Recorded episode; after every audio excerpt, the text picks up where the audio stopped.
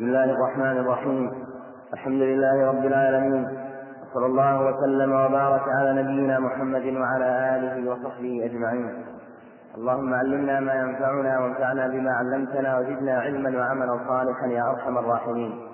أما بعد فقد قال الحافظ ابن عبد الهادي رحمنا الله وإياه وجمعنا به في جنات النعيم. نعم حديث جابر له فوائد كثيره تدل على معناه في الترخيص في لحوم الخيل ولفظ أذن في لحوم الخيل. وفيه أنه نهى أيضا عن لحوم الحمر. وهذا تواتر في الأخبار عنه عليه الصلاة والسلام في النهي عن لحوم الحمر الأهلية. وهذا ثبت من حديث عبد الله بن أبي أوفى ومن حديث أنس ومن حديث جابر ومن حديث عبد الله بن عمر من حديث البراء بن عازم وعن صحابة آخرين أيضا متواتر في النهي عن لحوم الحمر الأهلية. وفي لفظ من حديث أنس الصحيحين إنها رزق. إن الله ورسوله ينهيانكم عن لحوم الحمر الأهلية. قال إنها رزق. وفي لفظ أنه أمر بإكفاء القدور وكانت تغلي باللحوم هذا هو الصواب وهو قول جماهير أهل العلم والأدلة واضحة في هذا واختلف العلماء في العلة في هذا. فجاء عن ابن عباس قال لا أدري هل حرمها البتة أو لأنها لم تقسم وفي لفظ أنه قال إنها من جوال القرية تردد يعني أنها تأكل الجلة النجاسة تطوف وتأكل الجنة وقيل إنها لم تقسم بمعنى أنها غنمت هذه الغنائم ثم غنمت الغنائم فاستعجل قوم فطبخوها قبل أن تقسم فحرمها. ثم بعد ذلك حرمت البتة. والصواب أنها حرمت مطلقا وحرمت البتة. نعم كما كما جاءت في هذه الأخبار. والأظهر أن تحريمها ليس لأجل أنها جوال تأكل الجلة أو لأجل أنها لم تقسم. والصواب أن تحريمها لنجاستها ولهذا قال إنها رزق إنها رزق وهذه العلة باقية فيها. أما لو قيل لأجل أنها جوال القرن لأجل أنها تأكل الجنة فهذه علة تزول وتذهب. بأكل الطيب وكذلك إذا قيل لم تقسم فإنها تكون خاصة بتلك التي لم تقسم في تلك في ذلك الوقت. وثم هذا أيضا اجتهاد ممن قال من ابن عباس ومن غيره وهو عليه الصلاة والسلام قال إنها رزق ولهذا كانت هذه هي العلة. ثم إذا جاءت النصوص بتحريمها أخذ بها أخذ بها ولا تعلل بعلة تعود على النص الإيصال خاصة أو التخصيص إلا ما يكون ظاهرا وبينا ولا تكلف فيه وعدل في لحوم الخيل عليه الصلاة والسلام. وهذا هو الصواب أنه يجوز أكل لحوم الخيل وجاء بحديث في حديث أسماء رضي الله عنها قال نحرنا فرسا على أبي رسول الله صلى الله عليه وسلم فأكلناه. والأدلة وبعضهم نهى عنه وقال إنها تستبقى للخيل لأجل الجهاد لكن جاءت النصوص الإذن فيها وكونها مثلا تتخذ للجهاد أو أو أو أن يكون هذا من من مما تتخذ له لا ينفي أن تكون حلالا كما يقع في غيرها مما تكون تستعمل في شيء ويجوز أن تستعمل في شيء آخر. وهذا جار أيضا فيما يتخذ لشيء مثل البقر مثلا. تتخذ للركوب ويجوز أن تتخذ للأكل ويجوز ويجوز أن تتخذ للركوب. يعني إذا أطلقت ذلك. فلهذا كان الصواب هو حل أكلها لدلالة الوجوب على هذا. نعم. وعن ابن عمر رضي الله عنهما قال سأل رجل رسول الله صلى الله عليه وآله وسلم وهو على المنبر عن أكل الضب فقال لا آكله ولا أحرمه. متفق عليه ولم يقل البخاري على المنبر. الحمر الأهلية هي الحمر المعروفة هذه. الحمر المعروفة خلاف الحمر الوحشية. أما الحمر الوحشية فهي حلال إنما المراد الحمر الأهلية. اللي هو الحمر المعروفة. يعني حمر جمع حمار. الحمر جمع حمار. نعم حديث حديث ابن عمر رضي الله عنه أنه عليه الصلاة والسلام قال بالضبط لا آكله ولا أحرمه. وثبت صحيحين من حديث حديث ابن عباس أنه عليه الصلاة قدم له ضب مجوي فقالت ميمونة أخبروه به فأخبروا به فرفع يده وكف يده عليه السلام فسأله خالد بن الوليد أحرم هو؟ قال لا. قال فاجتررته وهو ينظر يعني النبي عليه الصلاة والسلام. ولهذا كان الصوم هو قول عامة أهل في هذا أنه حلال وأكل بين يدي النبي عليه الصلاة والسلام أما قول لا آكله ولا أحرمه وهذا واضح أنه لا عين لا يأكله لأنه كما جاء في الرواية الأخرى قال إني أجدني أعافه. لفظ قال إنه لم يكن بأرض قومي خبر مرسل أنه قال تحضروني من الله حاضرا فكأن له رائحة يعني فلهذا كرهه عليه الصلاة والسلام وعبته نفسه وهذا يعني قد يكون الشخص يكره شيئا وتعاه نفسه وإن لم يكن يعني حراما ولا يحرمه على غيره ولهذا قال لا آكله ولا أحرمه. وفيه دلالة على أنه على أن ما كان خلق على أن ما تكرهه النفس مما هو من أصل الخلقة أنه لا بأس بذلك. إذا كرهته نفسه وأخبر بكراهية نفسه عن بعض الحيوانات التي خلقت يعني على على خلقها وطبيعتها نفسه تكرهها فلا بأس وأخبر بكراهيته إياها. لكن ما جاء من أنه عليه السلام ما عاد رسول الله طعاما قط إن اشتهى وأكله وإلا ترك عليه السلام. هذا في ذكر الله أعلم أنه فيما يصنع فيما يصنعه الآدمي من الطعام الطيب.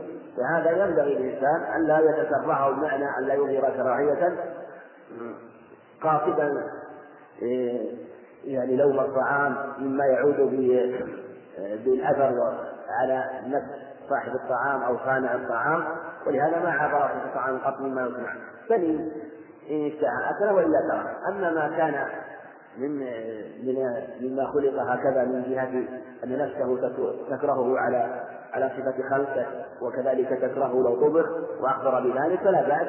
كما أخبر عليه الصلاة والسلام عن الضب وأنه تكرهه نفسه ويعاب عليه الصلاة والسلام. وجاء في حديث في حديث عند أبي داود أنه قال لا آكله ولا أنهى عنه. حديث ثابت وديعة وجاء في حديث عبد الرحمن بن شيبل رضي الله عنه عند أبي داود بإسناد لا بأس به أنه نهى عن الضرب عليه الصلاة والسلام. وإسناد جيد إسماعيل بن عياش عن ضمن بن زرعة وهو حمصي وضمن جيد أيضا فجاء إنه عنه نهى عنه. جاء من حديث سعيد الخدري صحيح مسلم أنه عليه الصلاة والسلام قال إن أمة مسخت فلا أدري هل هو منها أم لا. فالأظهر كما قال بعض العلم أنه اولا نهى عنه. نهى عن الضرب ثم بعد ذلك حصل عنده شيء من التردد هل هو مما مسخ أم لم يمسخ هذه مرحلة ثم المرحلة الثالثة تبين له عليه الصلاة والسلام أنه الله لم لم يمسخ قوما فيجعل لهم نسلا ولا عاقبة.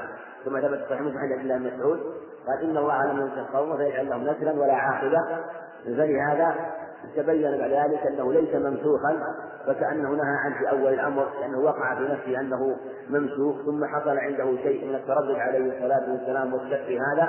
ثم بعد ذلك أوحى الله إليه وأعلمه بأن الله لم يجعل للمنسوخ نسلا ولا وقال أخبر أن القردة والخنازير كانت قبل ذلك كانت قبل هؤلاء الممسوخين.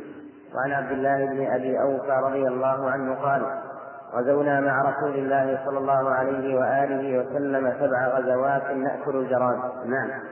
حديث عبد الله بن أبي أوفى فيه أنهم غزوا مع رسول سبع غزوات يأكلون الجراد. غزونا مع رسول الله سبع غزوات نأكل الجراد. وبهذا استدل أهل العلم على حل الجراد. فيه أنهم غزوا سبع غزوات يأكلون الجراد وفيه أنهم وفي لفظ آخر نأكل معه. لفظ آخر نأكل معه نأكل معه الجراد. وفي لفظ وفي لفظ أكلنا غزونا معه سبع غزوات نأكل الجراد. وفي نأكل معه وفي لفظ عند أبي نعيم في الطب ويأكل معنا. فهذا يدل على أنه إما أنه في مجموع الروايات أنه أكل معه عليه الصلاة والسلام وأنه أكل بين يدي النبي عليه الصلاة والسلام. ثم الأصل في مثل هذا كما الأصل أنه لما حرم أشياء وبين تحريمها وجاءت النصوص بتحريمها فما سواها حلال. ومن ذلك الجراد ولهذا إلا إذا علم أن بعض الجراد إذا كان بعض الجراد مثلا فيه خاصية من الخواص التي يمنع بأن يكون فيه سمية وذكر بعض العلم أن بعض أنواع الجراد تكون في في بعض في بعض البلاد أن فيها سمية آه، وأنه يكون ضارا. فما كان ضارا فهو محرم لضرر العارض ليس لخصوصا الجراد لا لضرر العارض. وهذا في الجراد وفي غيره. وجاء النبي عليه الصلاة والسلام في غير حديث الله أو فقال لا آكله ولا أحرمه. لكنها رواية مرسلة والظاهر والله أعلم أنه أكل والجراد أو الجراد والجراد من الجرد لأنه مشتق من الجرد. وإن كان يعني يقل في أسماء الأجناس ذكر الاشتقاق لكنه قد يقع فيها الاشتقاق مثل الجراد. من جرد من الجرد لأنه لا يأتي على شيء إلا جرد. ويقولون إن الجراد لها خواص عجيبة ولا تشبه حيوانات كثيرة. تشبه البعير في بعض خلقها والنعامة في خلق آخر والنسر وتشبه الخيل وتشبه الأسد وتشبه العقرب. فقال بعضهم قال بعضهم لها فخذا بكر وساقا نعامة وقائمة نسر وجؤجؤ ضيغم حبسها أفاعي النمل بطنا وأنعمت عليها زياد الخيل بالرأس والفم. لأنها تشبه أن أن فخذيها تشبه فخذي البعير. وأن ساقاها اشتهان ساقي النعامة. وقادماها وهما جناحها اشتهان جناح النسر وجؤد ضيغم يعني قدر قدر الأسد. وكذلك حدث أفاعي الأرض وهي العقارب. بطنا تشبه العقارب ببطنها. بطنا نعمت عليها زياد الخيل بالرأس والفم يعني تشبه الخيل بوجهها برأسها وفمها. فالمقصود أنها أنها حلال ويحل آه، ولا يحتاج إلى تركية ولهذا قال عليه محلت لنا ميتتان ودم الجراد والحوت والكبد والطحال هذا حديث صحيح حديث ابن عمر. ولا ولا يحتاج إلى تركية كالسمك فالمقصود أنه من الطيبات. نعم. وعن أنس بن مالك رضي الله عنه قال مررنا فاستنفجنا أرنبا لنجد الظهران فسعوا عليه فلغبوا. قال فسعيت عليه حتى أدركتها. فأتيت بها أبا طلحة رضي الله عنه فذبحها فبعث بورثها وفقيليها إلى رسول الله صلى الله عليه وآله وسلم. فأتيت بها رسول الله صلى الله عليه وآله وسلم فقبله متفق عليه واللفظ لمسلم. نعم حديث أنس رضي الله عنه واضح في هذا وفيه أنه حل الأرنب. هذا واضح من حديث أنس رضي الله عنه؟ دلالة على أن لا بأس من صيدها. ولا بأس ودلالة لا بأس من الصيد وتتبع الصيد.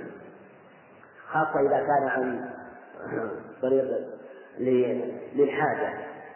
وقد كان الصحابة يعانون مثل هذا الأمر ويكون الصيد لأجل الحاجة.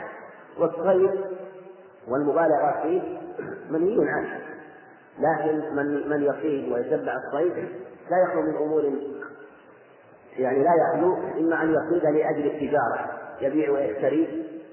هذا لا بأس به لأنه نوع من الكسب وطلب الرزق. وإما أن يصيد لأجل الأكل لأجل أن يطعم وأن يأكل هذا لا بأس به.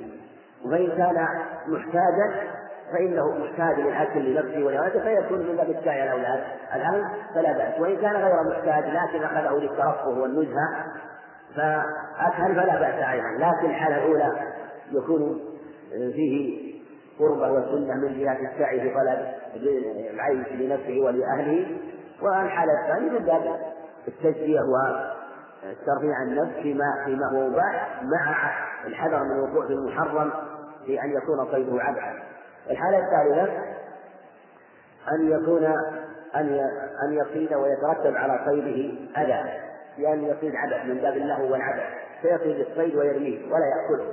أو يأخذ أكثر من حاجته فيأكل حاجة فيأكل حاجته ويرمي ما زاد مع أنه يعلم أنه يزيد عن حاجته فهذا منهي عنه.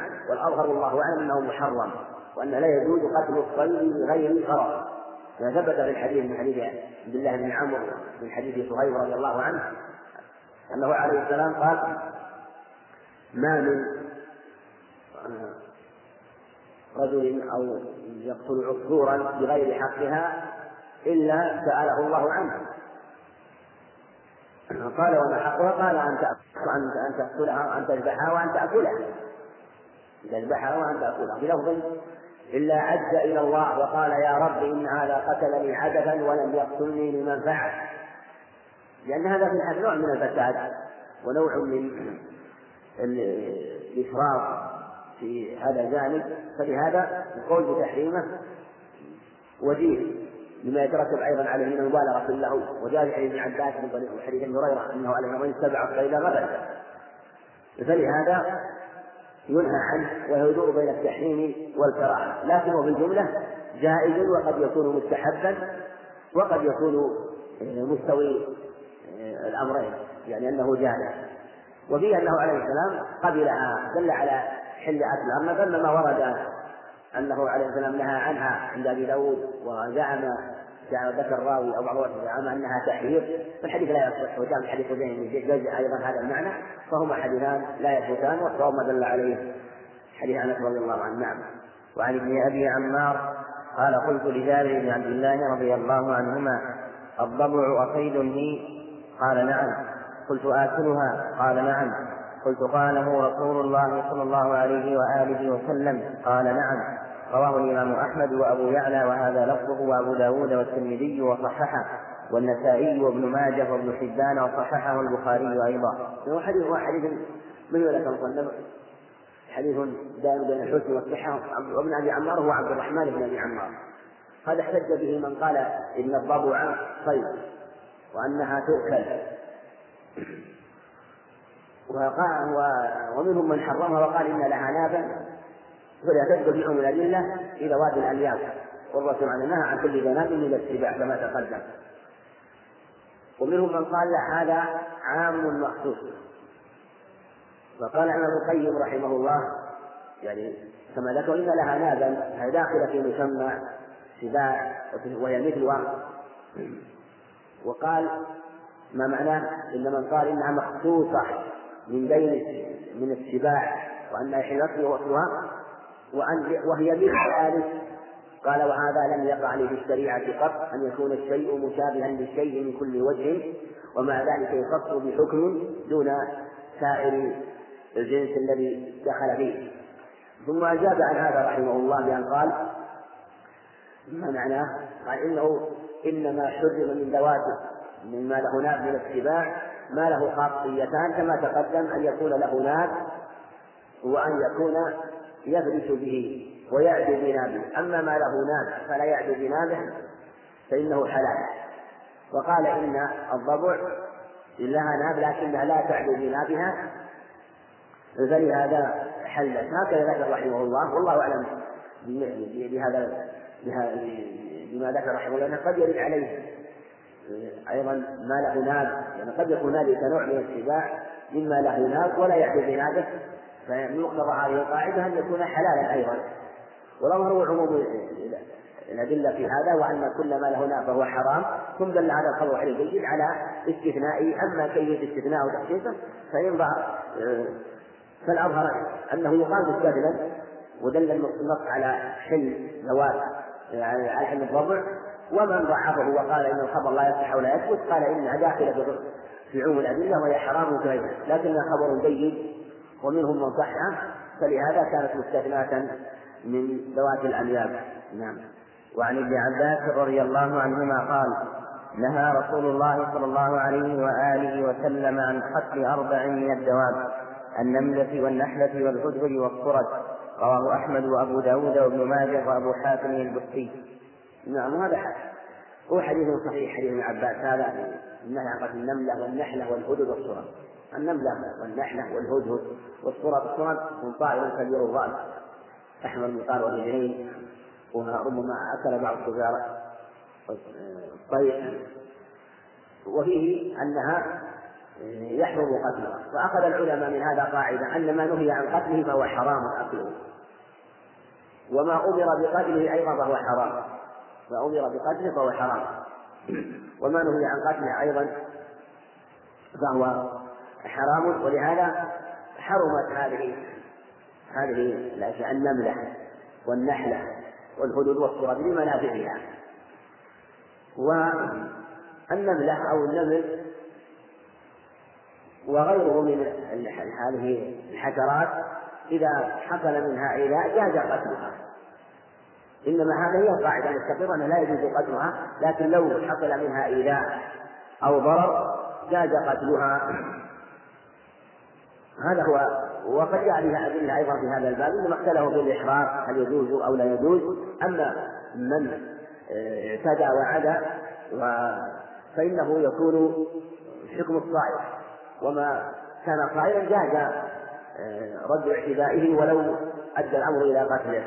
فالمقصود أن هذه أخذ مسلم رحمه الله منها أنه يحرم أكل أكلها للنهي عن قتلها. نعم وعن مجاهد وعن مجاهد عن ابن عمر رضي الله عنهما قال نهى رسول الله صلى الله عليه وآله وسلم عن أكل الجلالة وألبانها. رواه أبو داود وابن ماجه والترمذي وحسنه وقد روي مرسلا.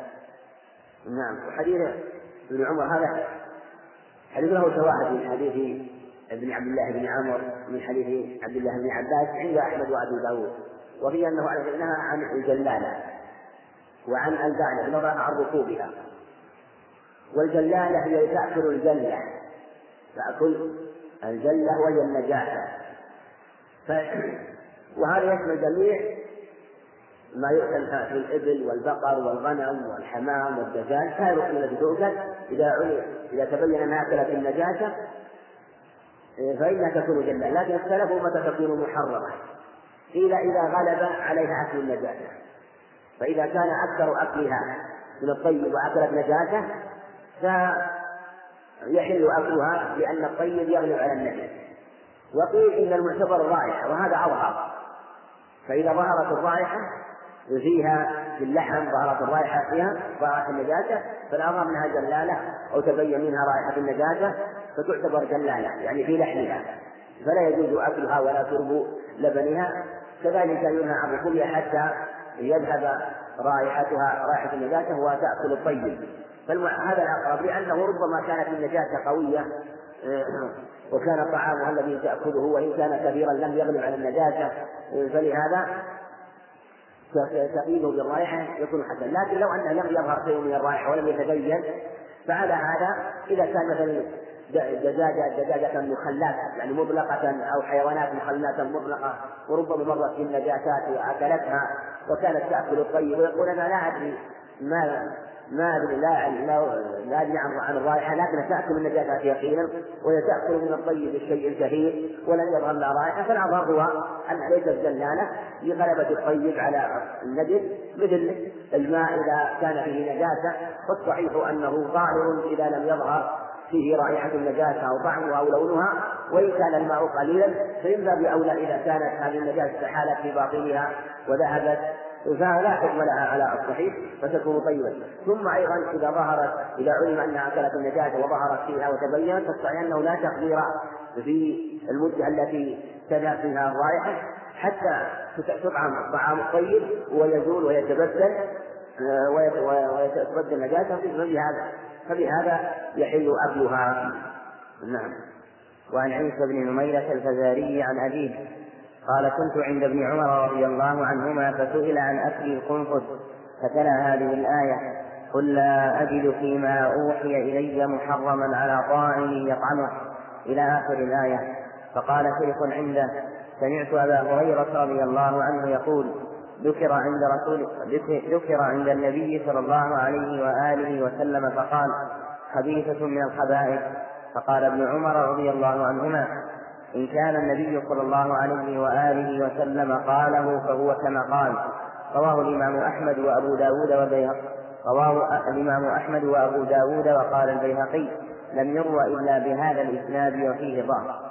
الحديث هذا عيسى بن نميلة مجهول وأبوه أيضا نميلة الفزاري مجهول وفيه أيضا هذا الشيخ المبهم قال شيخ عنده. المبهم فالحديث من هذه الثلاث فلا يصح. وبهذا وبهذا يستدل من حرم القنفذ. القنفذ هو الذي له شوك وأنا نسميه العلج هذا حرمه بعضهم لدلالة هذا الخبر. وقيل إنه حرام لأنه يأكل يأكل الخبائث أو يأكل ربما أكل النجاسات وهو يأكل الحية ولا تضره. فلهذا قالوا قالوا إنه محرم ومن قال إنه حلال طيب؟ ويؤكل كالشافعي رحمه الله قالوا إن الأصل الحلم وهو ظاهر ما جاء عن ابن عمر رضي الله عنه هنا إن صح عنه استدل بالآية وأنها أصل في هذا الباب.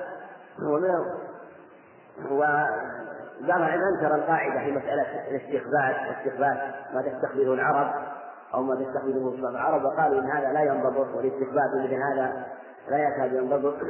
فالأصل في في في هذه الحيوانات الحلم إلا ما دل الدليل على تحريمه ودخل في ضمن قاعدة من القواعد.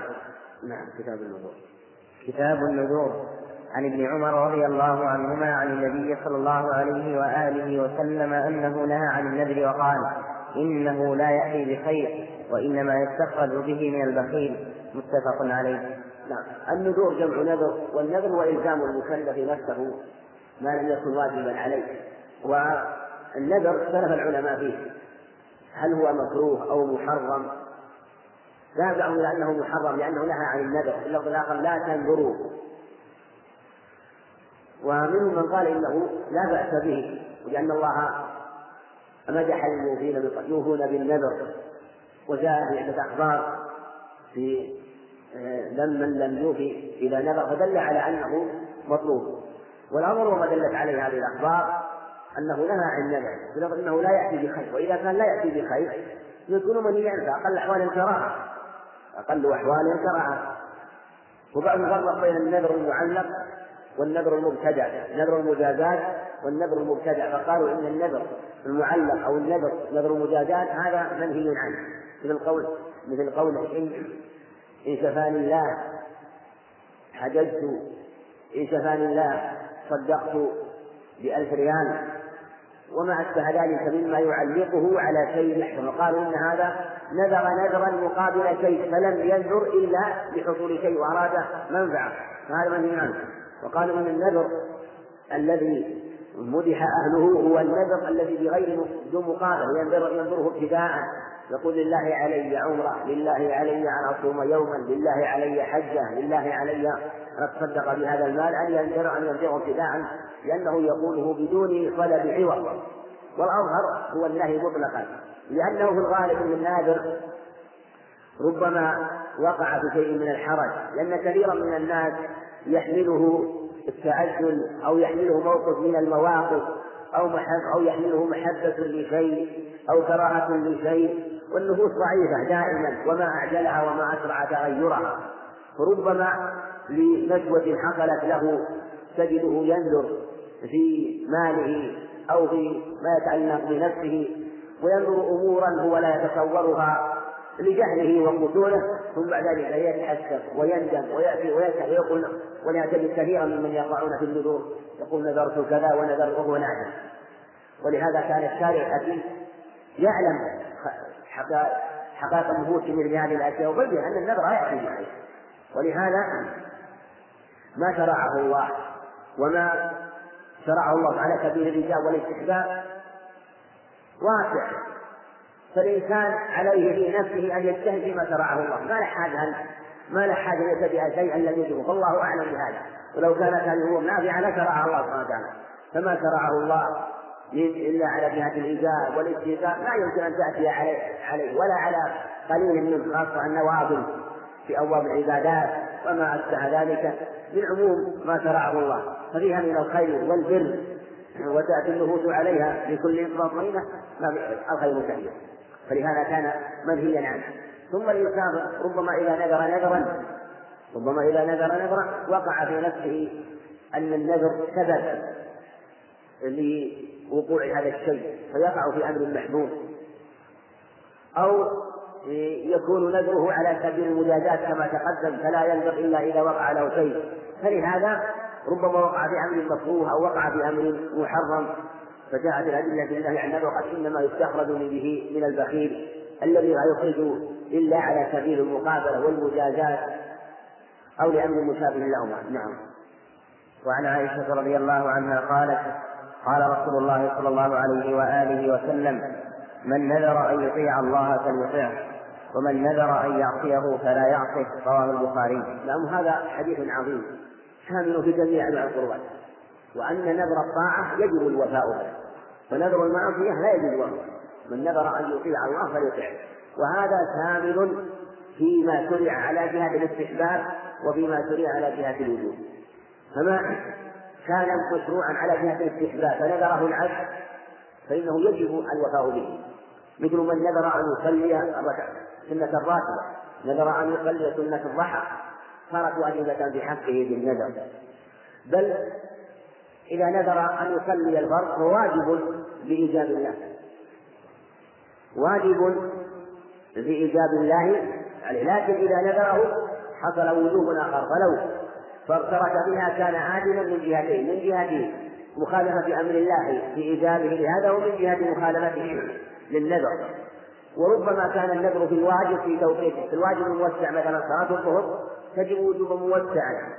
فإذا نذر أن يصليها في أول الوقت وجبت. وجبت هذا هو الأصل إلا أن يعرض عارف من أن يكون تأخيرها عن أول الوقت والأفضل وأن يكون صلاتها في أول الوقت. يترتب عليه أمر مطلوب كتفويت جماعة. هذا محل نظر ومحل بحث.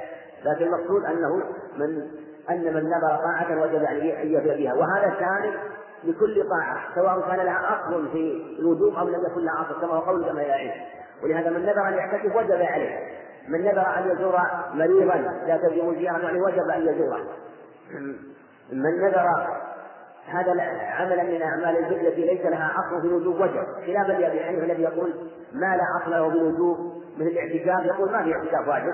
فلا يجب الاعتكاف بالنفس إنما يجب ما له أصل في الوجوب مثل ما لو نذر الصلاة لأن الصلاة منها صلاة الظهر واجب أو نذر الحج لأن الحج واجب المستطيع أو نذر العمرة على القول بالوجوب. والصواب أنه كل أن أن كل ما كان قربة فإنه يجب بالنذر.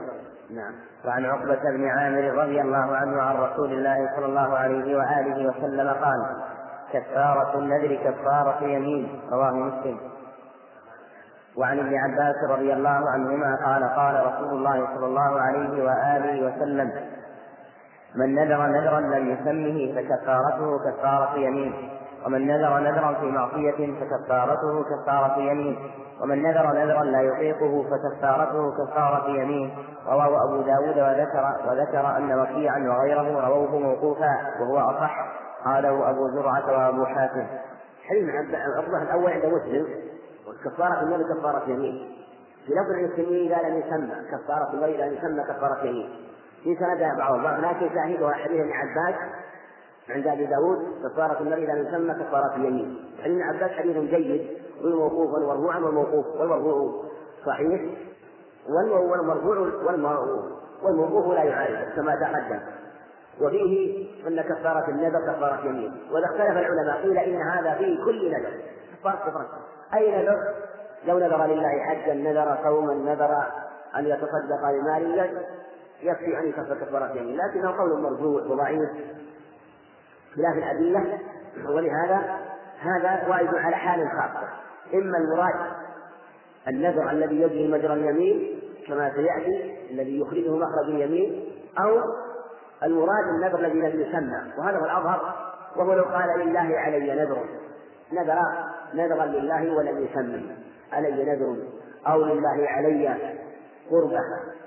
لله علي طاعة. لأن النذر ما يشترط له النذر. كل ما أشعر بالالتزام بالقربة كل ما أشعر بالالتزام بالقربة فإنه نذر فإذا التزم طاعة لكن لم يسمي هذه الطاعة ولم يسمي هذه القربة ثم ما سمى شيء ولم يحدد فعليه أن يكفر كفارة يمين. هذا هو اللي دل عليه خبر عقبة رضي الله عنه. وله حديث عباس آخر دال عليه. وكذلك أيضا من نذر نذر نذرا في معصية فكفارة كفارة هذا اختلف به العلماء. ذهب جمهور العلماء أنه لا كفارة به والقول الثاني قول أحمد وإسحاق إلى أن في نذر المعصية كفارة. حديث ابن عباس هذا من أجود الأخبار في هذا الباب في أن نذر المعصية في كفارة. حديث حجة في هذا.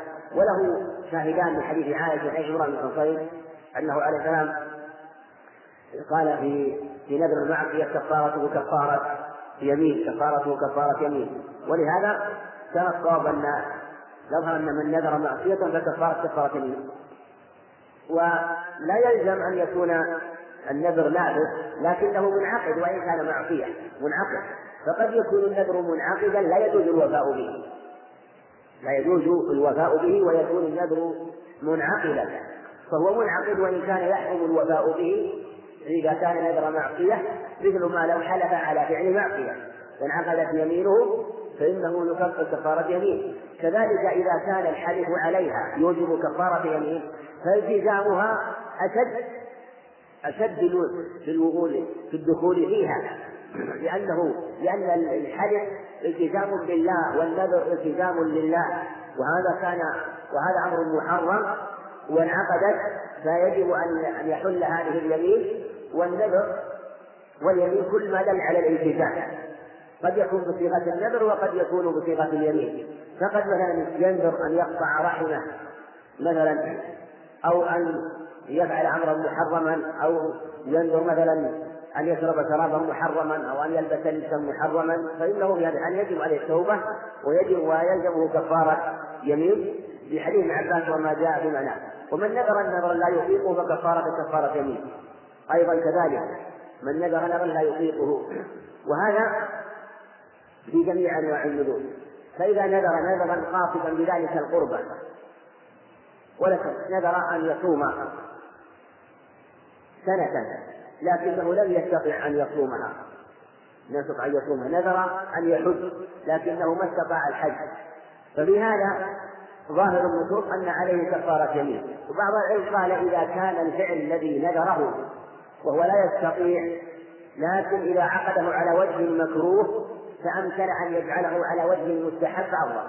فلو نذر أن يصوم سنة فإنه يكره هذا ويشبه صوم الشهر فكون فعليه أن يصوم يوما ويفطر يوما لأنه هو كما قال لا أفضل من ذلك كما قال عليه السلام. قال إنه صوم أخي صوم داوود عليه الصلاة والسلام. يجيب لها قاعدة أن من لم يقدر أو من لم يطع النذر الذي نذره فالواجب أن يكفر كفارة اليمين كما دل عليه حديث ابن عباس. نعم. وعن عقبة بن عامر رضي الله عنه قال نذرت أختي أن تمشي إلى بيت الله حافية فأمرتني أن أستفتي لها رسول الله صلى الله عليه وآله وسلم. فاستفتيته فقال لتمشي ولتركب متفق عليه ولم يقل البخاري حافية. وفي لفظ أن أخته نذرت أن تمشي حافية غير مختمرة فسألت فسألت النبي صلى الله عليه وآله وسلم فقال إن الله عز وجل لا يصنع فسألت النبي صلى الله عليه وآله وسلم فقال إن الله عز وجل لا يصنع بشقاء أختك شيئا مرها فلتستمد ولتركب ولتكن ثلاثة أيام رواه الإمام أحمد وهذا لفظه وأبو داود وابن ماجه والنسائي والترمذي وحسنه. نعم حديث عقبة بن أبي في الصحيح كما ذكر المصنف رحمه الله وفي أنه عليه السلام أنه لا يسمع بشقائق وذكر المصنف أنها قالت أنها أنها قال لم يقل البخاري حامية لأن هذا اللفظ عند مسلم. وفي لفظ عند أهل السنن حامية غير مختمرة. أو أنها غير مختمرة تمشي حافية غير مختمرة. وهذا اللفظ منطلق عبيد الله بن جحر الضمري وفيه لي وفيه لي أنه قال وتكون ثلاثة أيام. وجاء عند أبي داود لتهدي بدنه. وجاء نعم. وجاء بلفظ آخر عند أحمد لتهدي هديا لتهدي هديا. وجاء في بعض الألفاظ خلاف هذا وجاء عند أحمد أو عند أبي داود كفر عن يمينها. كفر عن يمينها. اختلفت الروايات مثل هذا. لكن في هذا دلالة على أنها نذرت أن تحج ماشية حافية غير متكسبة فأمرها عليه الصلاة والسلام أن تفي في نذرها وأن تمشي وتركب لأنها تقدر على المشي والركوب فتستعين بالركوب على المشي. ونهاها عما فيه. فنهاها عما هو ممنوع مثل ترك الاختمار. وفيها دلالة على أن الخمار كان معروف. ولهذا قال تختمر والظاهر أنه خمار الرأس مع الوجه جميعا فلهذا قال تختمر ودل على أنه ليس بقربة وأنه أمرها بالاختمار. مع أنها في سفر ومع أنها في برية ومع ذلك أمرها عليه والسلام بمثل هذا دل على أنه على تأكده فكيف إذا كانت في البلد؟ فالأمر في هذا آكد وأشد. والمقصود أن القصد من النذر هو التقرب إلى الله والله عز وجل كما قال ماذا يصنع الله بسقائكم فلهذا أمرها أن تمشي وأن تركض. ولهذا دل على أن من نذر شيئا قربة وغير قربة وفيه ما هو محرم فيجب اجتناب المحرم. والمباح المباح أيضا مخيرا بين فعله وتركه والواجب يجب عليه هذا وفيه أنه قال عليه السلام للسفر عن يمينه. كما عند أهل السنة. فدل على أن من نذر نذرا فلم يفي به بل أتى ببعضه. أتى ببعضه فإنه إن جاء بالبدل إن جاء بالبدل فالحمد لله. فلهذا الرسول عليه الصلاة والسلام قال لتهدي بدنه مقابل لتهدي يعني أو لتهدي بدنه مقابل تركها المشي الذي نذرته لأن قصد المشي إلى البيت قربة. فلهذا لما تركته جعل عوضه ومكانه البدن ولهذا دلالة على كما تقدم أن من نذر الشيء الذي لا يطيقه أن فيه كفارة يمين ولهذا قال كفر عن يمينها. فدل على أن النذر يدخل في مسمى يدخل في مسمى اليمين وأن بعض النذور تكون يمينا. ولهذا من حلف على نذر على جهة اليمين فإن نذره لا يكون لا يكون مأمورا به بل يكون حكم حكم يمين لو قال إن فعلت كذا فلله علي الحج إن كلمتك فلله علي أن أعتمر إن زرتك فلله علي أن أصوم شهرا. يقصد بذلك المخاطب في حال الخصومة والنزاع وقصد منع نفسه. فهذا هذا في الحقيقة قصد اليمين. وكل من قصد اليمين فإن عليه كفارة يمين واليمين كما تقرر من الأدلة أنها تكون بصيغ تكون بالحلف تكون بالحلف بالله وتكون بالنذر لمن ينذر؟ إن كلمتك فعلي صوم يوم إن زرتك فعلي الحج.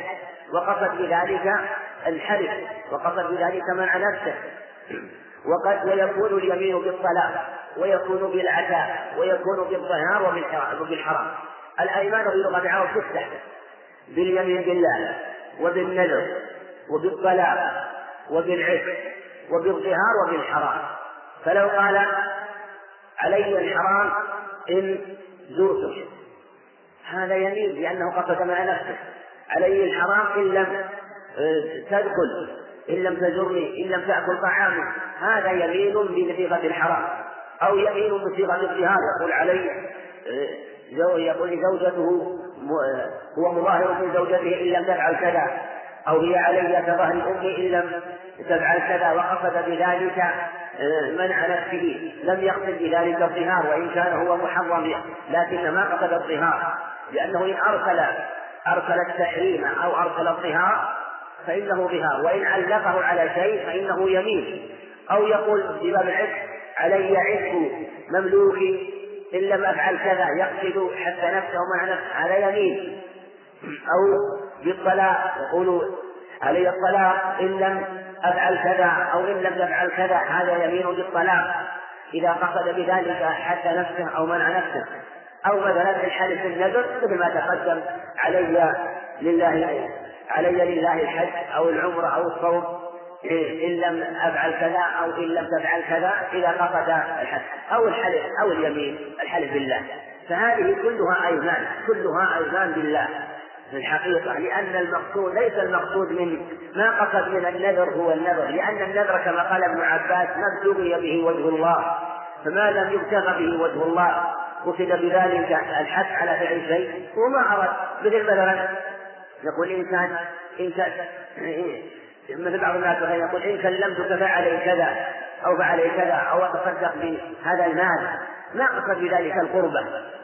قصد بذلك منع نفسه أو حث نفسه. فكل ما دل على حث أو منع أو تصديق أو تقدير فإنه يمين في لغة العرب. وعلى هذا تجري عبارات الناس في مثل هذا. إذا كانت الجملة مركبة من شرط وجزاء مركبة من شرط وجزاء ولها تفاصيل ذكرها العلم في هذا لكن ما ذكر يشير إلى شيء من هذا وهو أن اليمين هذه حكمها ولهذا جعلت مكفرة أيضا في النذر الذي لا يطيقه يعني تدخل حتى في النذر الذي لا يطيقه لأنه لما لم يحصل لم يمكن حصول حصول النذر فإن بدله اليمين لكن أن أمكن أن يوجد البدل فلا بأس. إن أمكن أن يوجد البدل فلا بأس. ولهذا حتى فيما أوجب الله من وجب عليه الحج ولم يستطعه وأمكن أن يحج بماله حجا بماله.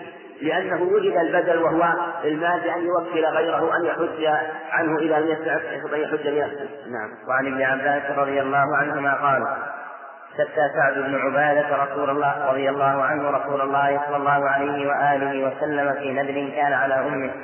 توفيت قبل أن تقضيه قال رسول الله صلى الله عليه وآله وسلم فاقضه عنها. متفق عليه. نعم حديث عباس له شواهد وأدلة. وجاء في بعضها أنها أنه كان عليها عشق ففي هذا الخبر أنها ذكر أن عليها نذر. قبل أن تقضي قبل أن تقضيه فقال عليه السلام اقضي عنها وفي لفظ أن أم سعد رضي الله عنها لما حضرها الموت وكان سعد خارج المدينة فقيل لها أوصي قالت المال مال سعد. فجاء فسأل النبي عليه السلام فقال ينفع أن تصدق عنها؟ قال نعم. فقال أشهدك أن حالة المصرف صدق عنها وجاء في حديث عائشة في الصحيحين أن أن رجل قال يا رسول الله إن إن أمي افتلفت نفسها وأظنها لو تكلمت صدق صدق. أتى ينفع صدق. عنها قال نعم. لهذا مشروعية الصدقة عن الميت ابتداء ومشروعية قضاء النذر عن الميت. فإذا نذر نذرا في حال حياته ولم يتمكن من الوفاء فما تمكن من الوفاء يعني ذاك الموت قبل الجواب فإنه يشرع أن يقضيه عنه قال عليه الصلاة والسلام من مات وعليه صيام قام عنه وليه. فإن كان النذر الذي نذر قربة مالية فإن وخلف الميت مالا يجب أن يخرج من رأس ماله لأنه دين. مثل ديون الآدميين دين يجب أن يخرج. وإن كان لم يخلف شيئا فالصحيح أنه لا يجب عليه على والده لكن إن قضاه عنه فهو أفضل. وإن كان قربة قربة بدنية من كالصيام فيشرع أن يصوم عنه. واختلف في نذر الصلاة هل تقضى عنه؟ وذهب ابن عباس وجماعة وابن عمر ابن عمر وابن عباس في الروايتين عنه سفيان تقي الدين رحمه الله إلى أنها تقضى عنه الصلاة إذا كانت نذرا ولا تقضى الصلاة الفريضة إذا مات. إنما يقضى ما نذر وهو أوجبه على نفسه على طريق النذر. أما إذا كان النذر فهو فقد ورد أو عبادة مالية فيشرع قضاءه عنه. نعم. وعنه رضي الله عنه قال بينما النبي صلى الله عليه وآله وسلم يخطب إذ هو برجل قائم فسأل عنه فقال أبو إسرائيل نعم فسأل عنه. فسأل عنه فقالوا أبو إسرائيل نذر أن يقوم في الشمس ولا يقعد ولا يستظل ولا يتكلم ويصوم فقال النبي صلى الله عليه وآله وسلم مروه فليتكلم وليستظل وليقعد وليتم صومه رواه البخاري. لو بهذا كما تقدم أنه لا يشرع النذر الذي يكون فيه إيذاء النفس. وإذا كان النذر الذي فيه إيذاء أو مشقة وهو قربة منهي عنه بل بل النذر منهي عن اتباعه فإذا لازم منه مشقة ولو كان قربة كان النهي أشد. فكيف إذا كان إذا كان في المشقة ناشئة عن أمر هو في الأصل مباح يقدر أن يقوم. ولا يستظل ولا يتكلم فهذا هذه النذور غير مشروعة. فأمره عليه عليه فأمر عليه السلام بإتمام ما هو مشروع الصوم ونهى عما سوى ذلك. ولهذا أمره بالاستغلال ونهاه عن السكوت وأمره بإتمام الصوم لأن إتمام الصوم أمر مشروع. ودل على أنه اقتران هذه الأمور في المشروع لا يشكلها ولا يكثرها نعم. وعن ثابت بن الضحاك رضي الله عنه قال نذر رجل على عهد رسول الله صلى الله عليه وآله وسلم أن ينحر إبلا ببوانة. فأتى رسول الله صلى الله عليه وآله وسلم فقال إني نذرت أن أنحر ببوانة. فقال رسول الله صلى الله عليه وآله وسلم هل كان فيها وثن من أوثان الجاهلية يعبد؟ قال لا. قال هل كان فيها عيد من أعيادهم؟ قال لا. فقال رسول الله صلى الله عليه وآله وسلم أوف بنذرك. فإنه لا وفاء لنذر في معصية الله ولا في قطيعة رحم ولا فيما لا يملك ابن آدم.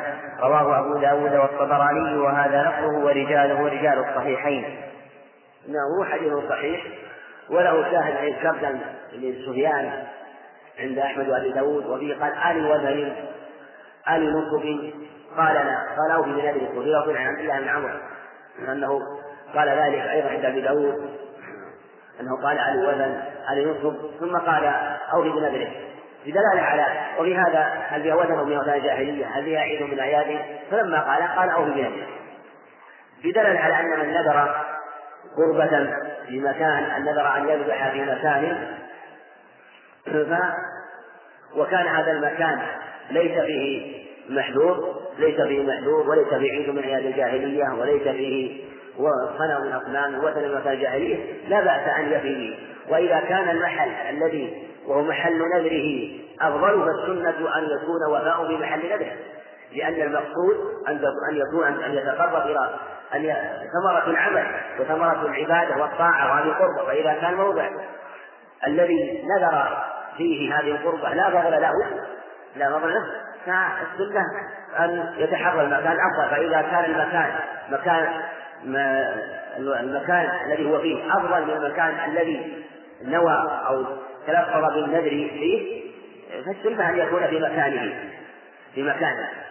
إلا أن يكون هنالك معنى قصد أن يكون هذا الموضع فيه أناس وفقراء محتاجون فقصد هذا فعليه عليه أن يوفي بنذره من نذر أن يطيع الله فليطيعه.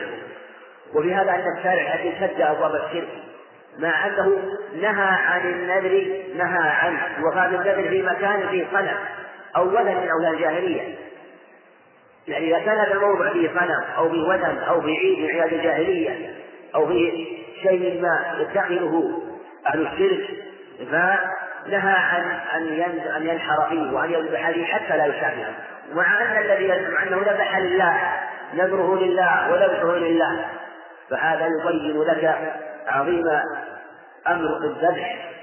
فإذا كان هذا في الذبح في موضع يذبح فيه لغير الله أو في موضع فيه عيد من عياد الجاهلية فكيف بمن يذبح لغير الله؟ ومن ينذر لغير الله فيكون الأمر أشد. ولهذا الذبح لغير الله شرك أكبر والذبح في مكان أو النذر أو أن ينذر أن يجعل هذا في هذا المكان وفي عيد من أعيادهم أو وثن من أوثانهم هذا من وسائل الشرك وطريق قريب إلى الشرك. فشد الشارع هذا الباب ولهذا استفسر عليه الصلاة والسلام. لأن النفوس في الغالب لا تقصد المكان ولا تعين مكان لسبب أسباب فأراد أن يسأل عليه الصلاة والسلام ما هو الدافع لهذا التعيين. فلما انتهى المحذور أمره بالوفاء عليه السلام كما في هذا الخبر وما جاء في معناه. نعم. وعن جابر رضي الله عنه أن رجلا قال يوم الفتح يا رسول الله إني نذرت إن فتح الله عليك مكة أن أصلي في بيت المقدس. فقال صلها هنا. فسأله فقال صلها هنا. فسأله فقال لك إذا رواه الإمام أحمد وهذا لفظه وأبو داود ورجاله رجال الصحيح. نعم حديث جابر حديثه صحيح. وفيه أنه عليه السلام قال صلها هنا.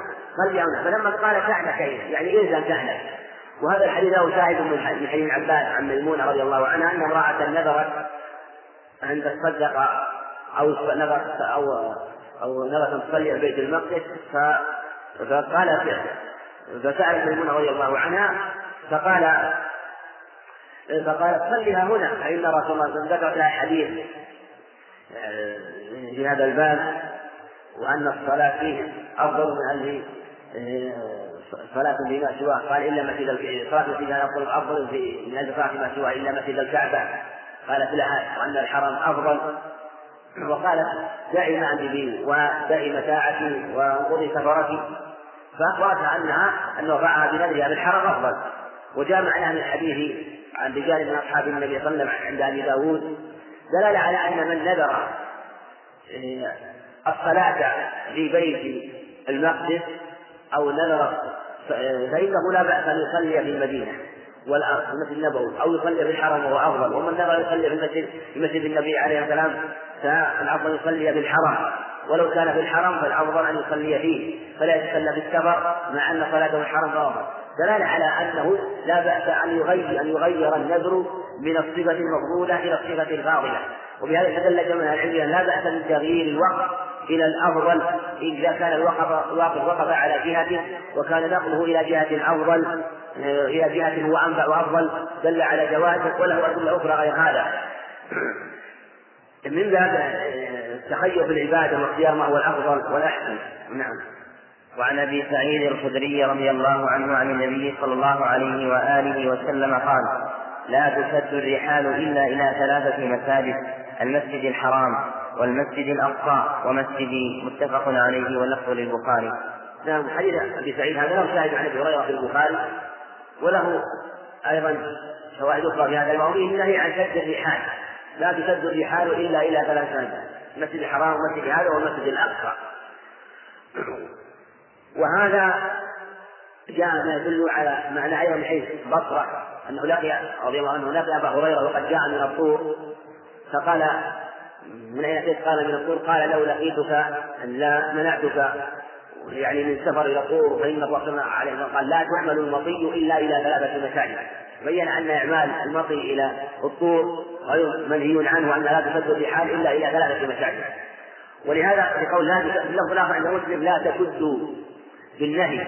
وهذا خبر والخبر أبلغ من النهي في مثل هذا. لا تشد الرحال إلا إلى ثلاث مساجد. وهنا اختلف التقدير لا تشد الرحال هل هو يعني إلى مسجد إلا إلى ثلاثة مساجد؟ تقدير الاستثناء هنا أو لا تشد الرحال إلى موضع إلا إلى ثلاث مساجد. وكلا التقديرين صحيح فإذا قيل لا تشد الرحال إلى مسجد إلا إلى ثلاث مساجد يكون المعنى أنه لا يجوز أن يشد الرحل إلا إلى هذه المساجد الثلاثة. ولا يجوز أن يشد الرحل إلى أي مسجد في الدنيا لقصد ذلك المسجد ولقصد ذلك الموضع. ومن باب أولى أنه لا يشد الرحل إلى موضع غير المساجد مما يقصد فيه القربة والأجر. وفضل البقعة لأنه إذا نهي عن شد الرحل إلى سائر المساجد في الدنيا فلا أن ينهى مع أن موضع القربة والصلاة فلا أن ينهى عن شد الرحل إلى كل موضع يقصد فيه القربة من قبر أو مكان يقصد أن ذلك المكان له فضل أولى أو يكون التقدير لا تشد الرحال إلى موضع فيقول إلا إذا لم ثالث فيكون معنى إلى موضع قربة أو إلى موضع تقصد فيه القربة. فعلى التقدير الأول إلى مسجد يكون النهي عن سائر المواضع من باب التنبيه بالأعلى من باب التنبيه بالأدنى على الأعلى فإذا نهي عن شد الرحل إلى المساجد مع أن القربة فيها أمر فلا أن ينهى عن غير المساجد باب أولى. وعلى تقدير إلى موضع يكون عاما وتكون العلة عقلت وأنه لا تسد الرحال إلى موضع يعني موضع يتقرب فيه إلى الله أو يتعبد فيه إلى الله. وليس المقصود منه النهي عن عن شد الرحل والسفر إلى البلاد والأماكن لا المقصود هو النهي عن شد الرحل إلى موضع يقصد فيه القربة ولهذا أجمع العلماء بمقتضى هذا الحديث وبما جاء عن الصحابة إلى أن عن شد الرحل إلى القبور وأن لا يجوز شد الرحل إليها لأنه وسيلة إلى عبادتها والغلو فيها. وكذلك أيضا شد الرحل إلى أماكن يقصد فيها العبادة وطلب البركة وأن هذه البقعة أفضل من شجرة أو بقعة أو مكان. بخلاف إذا كان شد الرحل مثلا شد الرحل مثلا لأجل طلب العلم أو شد الرحل لزيارة أو لزيارة صديق أو لمناسبة فهو أو شد الرحل للجهاد هو لم يقصد بشد رحله بقعة معينة بل قصد مثلا شد الرحل لأجل طلب العلم في أي مكان. بل فكان طلب العلم في هذا البلد عند ذلك الشيخ ولو كان في بلد آخر لقصد الرحل إليه. وشد الرحل مثلا لزيارة قريبة أو قديمة قصد الزيارة لم يقصد هذا الموضع. فهو في هذا البلد وفي هذا المكان. فلو كان موجودا لقصده وهكذا شد الرحل في حاجات الناس وفي امور وفي امورهم ولهذا حديث صحيح أن رجلا أن الله أرقد ملكا على مدرج رجل على طريقه كان يريد أن يزور آخاه. لكن الشارع نهى عن شد الرحل مما يقصد به العبادة حتى يسد الباب لأجل تقديس البقع والأماكن لأنه ليس هنالك أماكن مقدسة أو معظمة إلا ما جاءت الأدلة بتخصيصها وشد الرحل إليه. ولهذا الرسول عليه الصلاة والسلام في حديث سلم الضحاك وما جاء معناه. كسر ذلك الرجل وعن هذا المكان خشية أن ينضم إلى ذلك قصد تعظيم البقعة. لكن لما انتهى ذلك قال أمره عليه الصلاة والسلام بهذا وأمره بالوفاء لأن هذا قصد قربة بالصدقة قصد قربة بالصدقة أو بالمال وهذا لا بأس به مثل الإهداء كون يهدي المال إلى هذا المكان أو يتصدق إلى هذا المكان هذا لا بأس به لكن شد الرحل لقصد الصلاة أو لقصد الدعاء فهذا لا يجوز شد الرحل إلى موضع إلا لهذه المساجد الثلاثة. والله أعلم. نقل على كتاب الجهاد. أحسن الله إليكم. هناك أسئلة من الدروس الماضية. الحديث الذي فيه دليل على جواز المبيت بمكة أيام منى هل المبيت خاص بمكة أم له أن يبيت بالطائف وما حولها إذا كان لديه عمل؟ في الطائف النهي الحديث الذي فيه دليل على جواز المبيت بمكة أيام منى. هل المبيت خاص بمكة أم له أن يبيت بالطائف وما حولها لا لا المقصود الرخصة بقدر الحاجة. أقول الرخصة بقدر الحاجة مثل ما جاء. فإذا كان له حاجة احتاج إلى إلى ترك المبيت وكانت حاجته ما لا بأس. وإن كانت حاجته خارج مكة فلا بأس. لكن إذا إذا أراد يريد أن يخرج خارج المواقيت هذا ما يصح خارج الحرم هذا لا يصح إلا لضرورة. يعني أما الخروج خارج الحرم فالأمر ينبغي للحاج أن يكون في داخل الحرم. لا يخرج إلا ما جاء بالخروج إلى عرفة. أما إذا كان هنالك ضرورة فلا بأس. عند الضرورة لا بأس. وعند الحاجة فلا بأس أن يكون مبيته خارج آه، منى ولو لم يكن هنالك ضرورة كما دل عليه آه، أنه أنه عليه أرقط العباس في ذلك. نعم. أحسن الله إليكم إذا كان أبي لم يعق عني فهل يجوز لي أن أعق عن نفسي بعدما كبرت؟ هذا قال بعض أهل العلم وقالوا انها إنه يعق وذكروا حديثا أنه يعق عن نفسه لكن لم يصح. والمعروف أن أن العقيقة متعلقة بالأب. فإذا لم يفعلها فلا تلزم بحق بحق الولد. لكن هل تشرع له موضع خلاف؟ والأمر مشروعة في حق الأب. أما كونه مشروعة في حق غير موضع نظر. ولهذا لم يذكر عن السلف أنهم كانوا يفعلون ذلك. ثم هي كما كما في الحديث أنها تتعلق أنها يعني كل غلام رهين رهين له رهينة بعقيقته مع كل غلام عقيقة يعني فأن يقع عنه الأب وأن يقع عنه دما دل على أن الخطاب للآباء أو وأنهم هم المخاطبون بها وأنها في حقهم أما في حق في حق بعدما يبلغ موضع نظر. نعم. أحسن الله إليكم. هل حلق المولود يعم الذكر والأنثى؟ يوم لا بأس لأن الشعر يسير ولأن الشعر لا يؤثر ولا قيمة له في مثل هذا لا بحق الذكر والأنثى ولا يقال إنه زين الآن بحق الأنثى. ثم المقصود منه هو مجرد القصد. وقد يقال إن يستدل بالاحاديث إنها ابن عباس وحديث علي إنها أن تحلق المرأة رأسها. لكن هذا في المرأة وهذه والمراه يطلق على الكبيرة. ثم هذا شيء خاص وشيء يزيد. والغالب لا يكون عن طريق الحلق يكون عن طريق القصد لأنه قد يضر. وشيء يسير لا قيمة له. يقع من امتثال السنة للحديث الذي ورد عند احمد من طريقين. فإذا فعل بحقهما فلا يرى فيه نعم. ولهذا جاء بالله وعمقوا عنه الأذى إلا أن يقال إنه ورد في حق الغلام. وبعض الألفاظ الأخرى جاء جاءت بدون يعني جاءت المشروعية والأصل والقاعدة واستواء. الذكور إلى في الأحكام. هذا هو الأصل والقاعدة في هذا الباب. نعم. أحسن الله إليكم. ما حكم الزيادة في العقيقة على الشاتين؟ ينظر إن كان قصد بذلك التقرب إلى الله بهذه النجيب هذا غير مشروع. إذا كان قصد التقرب بذلك وأن العقيقة تكون ثلاث أربع هذا ما يكره وإن كان لا يقول أنا أريد أن أذبح العقيقة من عن ذكر بذبح شاتين لكني محتاج لي لأنني لأن مثلا ضيوف كثير أو أن جماعة كثيرين ويحتاجون إلى شيء لحم كثير. فزاد من هذه الجهة فلا بأس به، أما إذا كان يقصد بالزيادة على المشروع فإنه غير مشروع. نعم. أحسن الله إليكم. جاءت أسئلة كثيرة تسأل عن اللحوم المستوردة من بلاد الكفار والتي قد كتب عليها عبارة حلال. هذا يعني مما ابتلي به المسلمون و وهذه اللحوم فيها كلام كثير لأهل العلم معروف. وينظر إن كان تحقق تحقق منها أنها ذبحت على غير الطريقة الشرعية إما بالخبر أو بالعيان أو بتواتر ذلك فإنها تحرم لأن إذا كانت ذبيحة المسلم تحرم إذا ذبحها على غير الطريقة الشرعية فذبيحة الكافر من باب أولى. هذا هو قول جماهير أهل العلم لأنها أربعة وغيره وإن قال بهذا من خالف وإن كان الأمر مجهول مجهول فالأصل هو حل الذبائح في مثل هذا.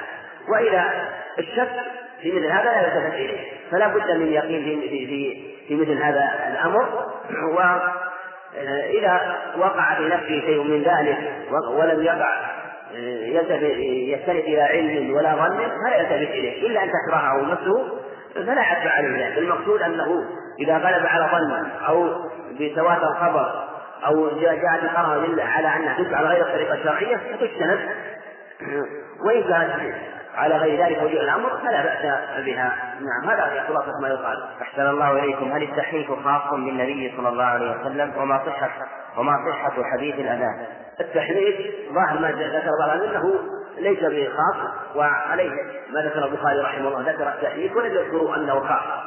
وعلى هذا يكون التحريف لا التحريف في مصلحة لأن التحريف ما هو ليس يعني يعني من نظر توجد في مصلحة لأنه تؤخذ مثلا التمرة وتنظر وتوضع في جوف الغلام أو في جوف الجارية ففيها مصالح وهذا أول ما يولد أول ما يولد من الصبي والجارية وحتى يتدرب على أكل الخليل من الطعام ويدخل إلى جوفه التمر. فلهذا كان مشروعا لكن لو قصد بذلك إنسانا صالحا يقصد بذلك دعوته فلا بأس. وقد روي أن أحمد رحمه الله انه فعله. أما ما يتعلق بالأذان في المولود فورد حديث رواه أبو داود لكنه من طريق عاصم بن الله العمري هو ضعيف. أما حديث الاقامه والأذان فهو حديث حديث لا أصل له. أما حديث الأذان ففيه ضعف من طريق عاصم بن الله. أحسن الله إليكم. هل كلب الحراسة المنزل يدخل في السفن؟ الحديث ما استثنى إلا الزرع والضرع والمأشية والصيد. الصيد والزرع والمأشية هذا هو وظاهر النص أنه لا لم يستثنى منه شيء. والشارع لو أراد استثنى هذا لأن هذه مرتفعة. لكن إن كان هنالك ضرورة فلا بأس. عند الضرورة يجوز مثل هذا. لو أن الإنسان اضطر إلى اتخاذ الكلب فالضرورات لا أحكام لأن في هذه الحال يكون مستثنى من عملة الله مع قيام الدليل حاضر مثل ما يقال مثلا من يحتاج مثلا في بعض الأمور في بلاد المسلمين احتاج إلى بعض الأمور مثل الإيداع مثلا في بنوك في في, البنوك هناك مع معرفة أن سفره لحاجة وأنه وأن سفره ليس فيه محذور واحتاج إلى السفر واحتاج إلى إيداع المال جاز له من ذلك لأجل الحاجة ولأجل الضرورة. أما كذلك أيضا مثل هذا فالأظهر أنه إذا لم يكن هنالك ضرورة فظاهر النص هو المانع أحسن الله إليكم إذا توحش الأهلي أو العكس هل يبقى على الحكم نفسه أم يختلف؟ نعم إذا كان. الآن الأهلي على حكمه. إذا توحش الأهلي ما يكون حلال. لو توحش يعني إذا قصده بالأهلي يعني ينظر قصده بالتوحش هنا. إذا كان قصده مثلا بالأهلي مما حرم أنه إذا توحش يكون من جملة من جملة الوحوش فيكون حلالا. وإن كان قصده يتوحش الأهلي بمعنى هرب ولج في هذه الحالة يأخذ حكم ما ويجوز قتله في أي مكان ويجوز ينقضي كما نج بعير بعادي عليه السلام فأمر بأن يصنع هكذا أحسن الله إليكم هل هناك رابط تعرف به الطيبات من الخبائث؟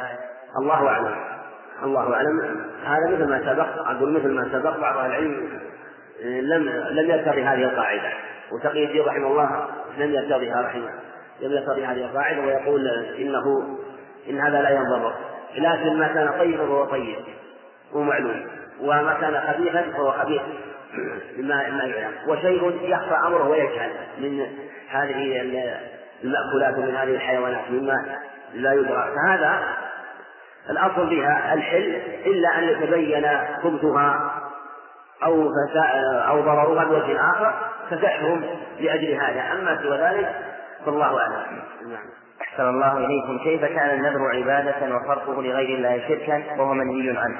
لا أقول ما ما دام جاء الحديث بهذا سمعنا وأطعنا. الشيء قد يكون مثلا عبادة. أقول هو عبادة لكنه من؟ لكن لأن النفوس في الغالب أنها لا تأتي به على الوجه المطلوب لا تأتي به على الوجه المطلوب. فلهذا نهي عنه لأن النذر كان معروف الجاهلية وجالس نام وأقره لكن لأن النفوس في الغالب أنها لا تتحمله أو لا, لا أو قد تضعف عنه فجاء النهي عنه ثم هو عبادة مش وصرفه لغير الله شرك. ولهذا قال لا تنظروا لا, لا تنظروا. ثم أيضا هنالك بعض العبادات أيضا هنالك بعض العبادات. ربما لو أكثر منها كان منهيا عنها وإن كانت الأصل مشروعة لو أنه أكثر شدد على نفسه في في الصيام أو في القيام فإنه وإن كان في الأصل مشروع لكنه من لكن فعله منهي عنه لتشديده على نفسه مع أنه بغير النذر وفعله منهي عنه مع أنه غير غير منذور كما نهى النبي عليه السلام عبد الله بن عمرو عن فعله لما قام الليل كله وصام النهار وصام جميع السنة نهى عن ذلك مع أن الأصل فيه أنه مشروع لكن مع أنها عبادة في الأصل مشروع لكن لما زاد عن الحد عن الحد وضعفت النفس نهى عن ذلك. فكذلك التزامه أيضا لأن التزام في الضربة لا ما في خرج ولا مخرج. فلهذا نهي عن الدخول فيه ابتداء لأجل هذا. أحسن الله إليكم في حديث عقبة بن عامر رضي الله عنه في قول النبي عليه الصلاة والسلام ولتصم ثلاثة أيام فهل يصح للمسلم أن يصوم ثلاثة أيام كفارة يمين مع قدرته على الإطعام؟ لا ما يصوم. لا هذا أول رواية فيها ضعف. الشيء الثاني أنه لو ثبتت هذه محمول على أنها لم تستطع الكفارة بالإطعام ولا بالكسوة لو ثبتت هذه الرواية أنها لم تستطع الإطعام بالتكفير بالكفارة فانتقلت إلى الصوم هذا هو لو ثبتت هذه الرواية في اللفظ الآخر وتكفر عن يمينها فكأنها لم تستطع إن ثبتت أن تأتي بهذا فانتقلت إلى الصوم نعم. أحسن الله إليكم ما حكم الاستثناء في النذر؟ الله أعلم الاستثناء في النذر ينظر في صيغته إن كان نذر ابتداء قال لله علي أن أصوم. لله علي صوم يوم. لله علي أن أتصدق بهذا المال. فالأظهر هو لزوم النذر. لأن النذر إن جرى مجرى اليمين دخله دخله الاستثناء وإن لم يجرى مجرى اليمين بل ما بل ما بل ما جعله لله وعقده لله فهو ما عقده لله أعظم وأقوى فهو لقوته نافذ لقوته نافذ فالأمر هو نفوذه إلا أن يكون نوى في قلبه عدم الجزم بالنذر يعني نوى بقلبه لله علي صوم يوم إن شاء الله ونوى إن استطاع الصوم أو نوى إن عزم على ذلك. فاختلف العلماء على في قاعدة هو الاستثناء في النية. هل تكون مقيدة لللفظ باللسان أو لا؟ في خلاف أرض وذكروا على ذلك مسائل. فهذا قد يكون داخلا تحت هذه القاعدة. وهو تقييد اللفظ بالنية. والأظهر أنه يصح مثل هذا وأن يقيد اللفظ بالنية إذا نوى. ولهذا إذا مثلا وقع منه طلاق وكانت نيته بذلك حتى نفسه أو منع نفسه كان يمين وإن نوى به وإن به وقوع الطلاق كان طلاقا. وهكذا في صور أخرى نيته بهذا معتبر فالأظهر أيضا أن مثل هذا معتبر في النية بقوله عليه الصلاة والسلام إنما الأعمال بالنيات والله أعلم. نقف على حديث أحسن الله إليكم. يقول السائل ما حكم شد الرحال للصلاة على ميت من العلماء أو غيرهم؟ لا بأس بكونه يسافر مثلا لأجل الصلاة على ميت سواء كان له شأن أو ليس له شأن. حتى لو أراد يسافر الصلاة على قريبة أو صديقه لا بأس لأنه ليس فيه شد رحل لمسجد أو بقعة إنما شد الرحل وسافر لأجل لأجل الصلاة عليه. وهو ما قصد بقعة معينة يريد يصلي عليه سواء في هذا البلد أو من هذا إنما نهي عن شد الرحل إلى بقعة معينة مثل ما تقدم بقعة لقصد التعبد وطلب العبادة طلب الفضل والأجر. أما أن يشد الراحل لصلاة على ميت أو أن يشد الراحل مثلا لطلب العلم حديث أو لزيارة صديق أو ما أشبه. هذه أكثر بعضها اتفق العلماء على مشروعيته وبعضها قد يكون فيه خلاف وقد يكون قول الأظهر فيه الجواز. نعم. أحسن الله إليكم. ما حكم الجهاز الكهربائي الذي يقوم بقتل الحشرات؟ الله أعلم هذا ينظر إن كان هذا الجهاز أن يحرق. يحرقها فالقاعدة لا يجوز التحريق بالنار لا يقتل كما قال عليه السلام لا يعذب بالنار إلا رب النار. حديث ابن عباس حديث غيره صحيح البخاري حديث الله بن مسعود حديث أبي أسيد أو زيد عند أبي داود إنه لا لا يقتل بالنار إلا رب النار. فهذا إذا كانت تحرق. أما إذا كانت تصعق لا بقوه لا تصعق بقوه تقتل مثل الضرب الشديد. ف ولا تحرقها. فلا فيظهر والله أعلم أنه لا بأس به إذا كانت مؤذية مثل بعض الحشرات المؤذية ثم أول أن ينظر. وهي من تأملها في الغالب أنها يظهر أن أن بعضا من هذه بعضا من هذه الآلات والأجهزة أنها لا تحرق إنما تقتلها وتجدها كاملة لم يحرق منها شيء وإن كانت تحرق منها شيء أو تحرق منها جزء تحرق منها الجناح أو تحرق منها بعض البدن يعني ليس المقصود أن تحرقها كلها. ولو حرق يسير فلا يجوز. لا يجوز. واختلف العلماء في التحريق بالنار في بعض استدل بعضهم بجواز التحريق في حديث ذلك أن نبيا من الأنبياء جاء إلى شجرة فقرصته نملة فأمر بقرية النملة حرقت فقال فقال الله عز وجل هل نملة واحدة؟ إن هل قتلت نملة واحدة؟ فقال بعضهم إنها دل على التحريم والأظهر أن هذا على القاعدة أن شرع من قبلنا إذا جاء في شرعنا ما عن النهي عنه فإنه لا يؤخذ به. وجاء في شرعنا النهي عن التحريق بالنار ولهذا استقر أهل العلم على النهي عن التحريق بالنار إنما اختلفوا فيما في القصاص. في القصاص جوز بعض العلم أنه إذا حرق جاز أن يحرق وبعضهم أبقى هذا الأصل واعتمد وقال يعذب. هو يقتل وإن كان يقتل قتلة شديدة بغير تحريق لاستقرار الادله بالنهي عن القتل بالنار نعم. احسن الله إليكم ما حكم إطلاق القول إن فلانا قتل شهيدا في سبيل الله؟ لا يقال فلان ما يخص لأن الشهادة حكم عظيم وثناء وتزكية عظيم. ولهذا قال البخاري باب لا يقال فشهيد وذكر عمر قال إنكم تقولون في مغازيكم فلان شهيد. والله أعلم بأهل الشهادة. فلا يحكم على فلان شهيد ويقال فلان شهيد إلا من حكم له النبي عليه الصلاة والسلام. ولهذا قيل أهو شهيد؟ قال هو شهيد وأنا له شهيد. لكن يجوز الحكم على العموم. يقال شهداء أحد شهداء بدر شهداء المعركة مثلا. إذا قتل هذا هؤلاء شهداء لا بأس على العموم. لأن التعميم غير التخصيص مثل ما يقال قتلوا شهداء أو هؤلاء شهداء. مثل ما نقول المسلمون من أهل الجنة والكفار من أهل النار. لا نحكم على مسلم معين ولا نحكم على كافر معين لم نحكم بالعموم. كل من كان مسلم فإلى الجنة وما أنزل. لكن ما نقول فلان الشخص هذا من يعني ما نقول فلان من أهل الجنة. ففرق بين العموم والخصوص. هذه الأحكام وهذه الأحكام نعم. أحسن الله إليكم. هل يتوقف الجهاد بمعناه الخاص في حالة الضعف حتى وإن كانت في حتى في حال الضعف؟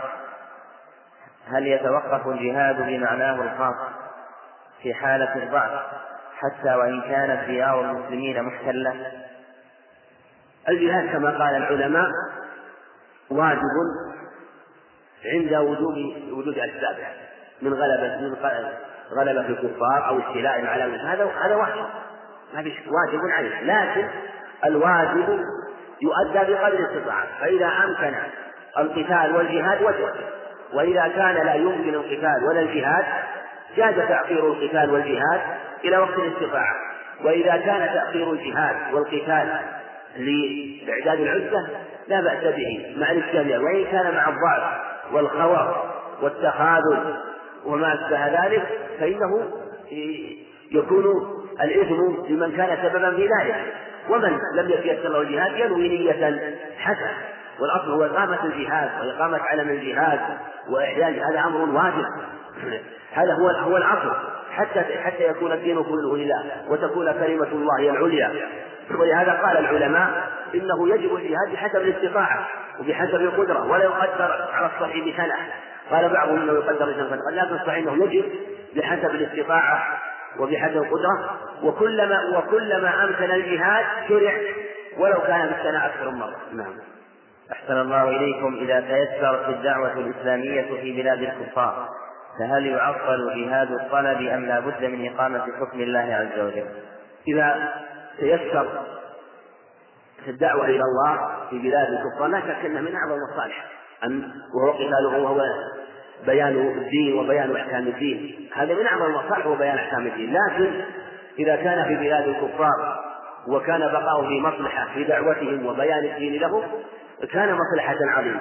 وإن أمكن وإذا لم يكن بينه وبين المسلمين عهود ولا مواثيق فإنه وأمكن قتلهم وأمكن الانتصار عليهم وأخذ السبب في قتالهم كان واجبا. وإن كان لا يمكن ذلك فيجب فالواجب والدعاء بحسب الإمكان. ولهذا قال بعض العلم إن من كان في بلاد الكفار ويدعى إلى الله يدعو إلى الله وكان في دعوته مصلحة وفي نفس الدين مصلحة عظيمة فإن دعوته من أعظم المصالح في هذا. ولهذا قالوا في باب الهجرة إن من كان في بقائه مصلحة فلا يجوز له آه، فإن يشرع له البقاء. بل قال بعضهم إنه لا لا لا يشرع بحق الهجرة.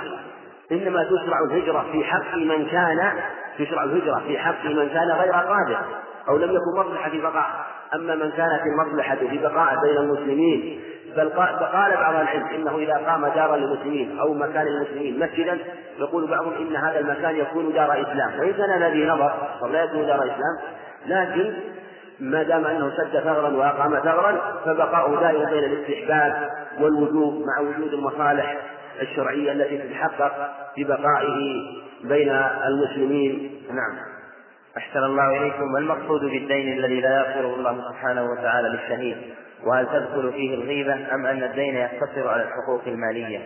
الظاهر والله أعلم أنه يدخل في حقوق العباد جميعا من الدين هو الدين المالي.